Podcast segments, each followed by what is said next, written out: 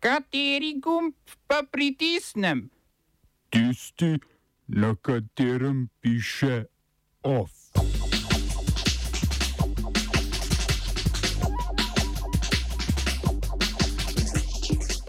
Etiopska vlada z zračnimi napadi na civiliste v Tigraju. Brazilski senat tožilstvu predlaga pregon predsednika Žajra Bolsonara. Nov trgovinski sporazum med Novo Zelandijo in Združenim kraljestvom. Poglabljanje razdora med vodstvom in poslanci stranke Desus. V kulturnih novicah telesnost in z njo povezane umetnosti na simpoziju Stari mestni elektrarni.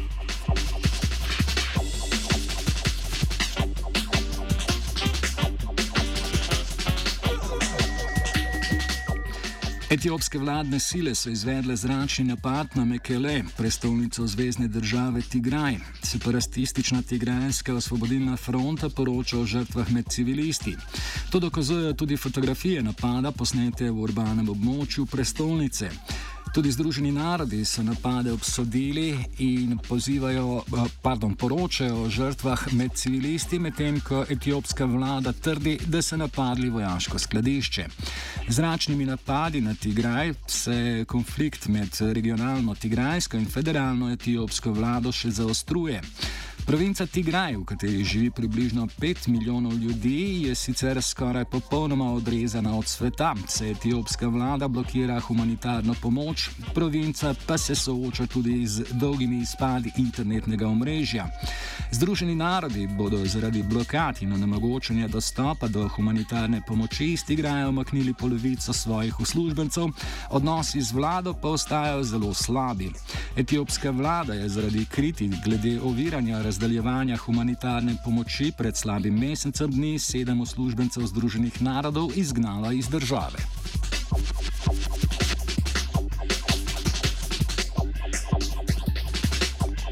Selimo se iz vzhoda na afriški jug. V kraljevini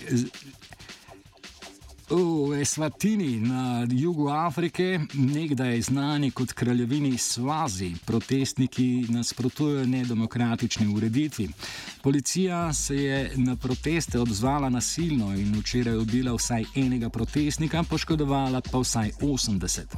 Med organizatorji protestov so tudi vodilni sindikati v državi, podpirajo pa jih predvsem študentje, delavci prevozniki in državni uslužbenci.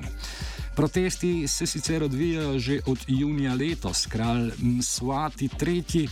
pa jih je skušal pomiriti tako, da je samovoljno imenoval novega predsednika vlade. V protestih je do sedaj umrlo vsaj 29 protestnikov, protestom je sledil izpad interneta, vlada pa je zaprla šole.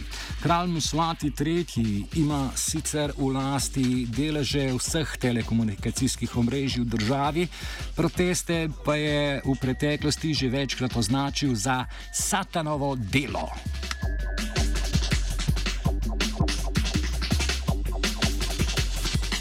Selimo se k brazilskemu padlemu angelu. Brazilski senat je v več kot tisoč stranskem poročilu zaključil, da je predsednik Jair Bolsonaro odgovoren za grozljiv razplet pandemije COVID-19 v državi. Brazilija je po številu smrtnih žrtev COVID-19 druga na svetu in tesno sledi prvovrščenim združenim državam. Bolsonaro je v svojih izjavah večkrat eh, zavajal javnost in širil lažne informacije o virusu. V času pandemije je organiziral organiziral shode, poljubljal podpornike, na vprašanja o visoki smrtnosti pa odgovarjal, da ga dolgočasijo.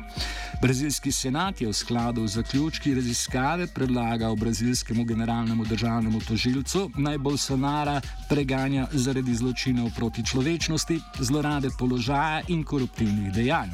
Generalni državni tožilec Augusto Aras je sicer Bolsonarov zaveznik, le od njega pa je odvisno, ali bo proti Bolsonaru Bolsonaru sprožil postopek.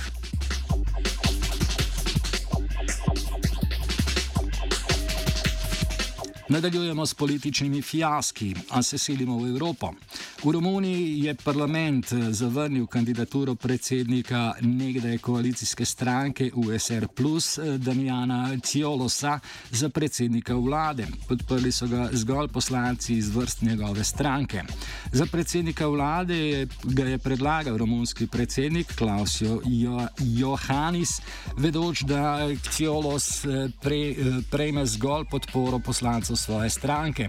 Tako se politična kriza v Romuniji, kjer je parlament pred dvema tednoma izglasoval nezaupnico predsedniku vlade Fiorinu Ciutiju, premika v smeri predčasnih volitev. Ciutiju so v takrat koalicijski stranki USR Plus nasprotovali zaradi predlaganega infrastrukturnega projekta, težkega okoli 10 milijard evrov, in mu očitali, da z načrtom želi zgolj pomagati lokalnim gradbenim baronom. Ker je bil načrt sprejet, so z položaja odstopili vsi ministri iz vrst USR, eh, prav tako pa, se, pa je stranka izstopila iz vlade.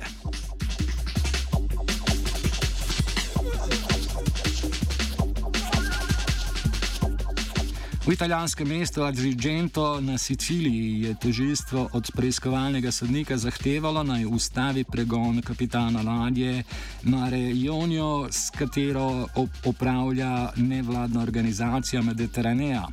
Kapitan Massimiliano Napolitano je bil obtožen organizacija oziroma organiziranja pomoči pri ilegalnih migracijah, saj je zavrnil ukaze italijanskega notranjega ministra naj preda rešene migrante libijski obaljni straži, s katero italijanska vlada sodeluje. V nevladni organizaciji Mediteranea, ki na Sredozemskem morju rešuje migrante, so odločitev in prepoznanje. Eh, tožilstva, da so bila kapitanova dejanja legitimno pozdravili.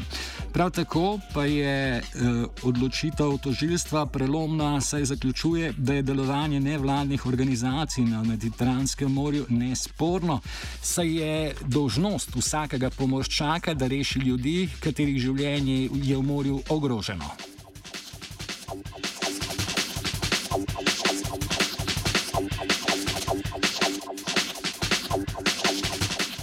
Združeno kraljestvo in Nova Zelandija sta sklenila trgovinski sporazum, s katerim boste odpravili vrsto carin.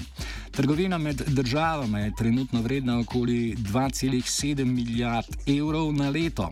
Sporazumom naj bi se povečala, saj bi olajšal vstop manjšim britanskim podjetjem na novozelandski trg.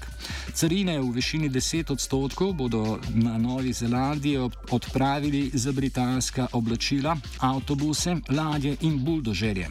V Združenem kraljestvu pa naj bi padla cena novozelandskega vina Sauvignon Blanc, medu Anuka in Kivija. Britansko mini, uh, ministrstvo je sicer sporazum označilo za prelomen, a naj ne bi svetovalo oziroma bistveno spodbudili rasti britanskega gospodarstva, saj z Novo Zelandijo pravi le nič celih dva odstotka svoje trgovine. Kritični do sporazuma in do premijera Borisa Johnsona so predvsem britanski kmetovalci in opozicija.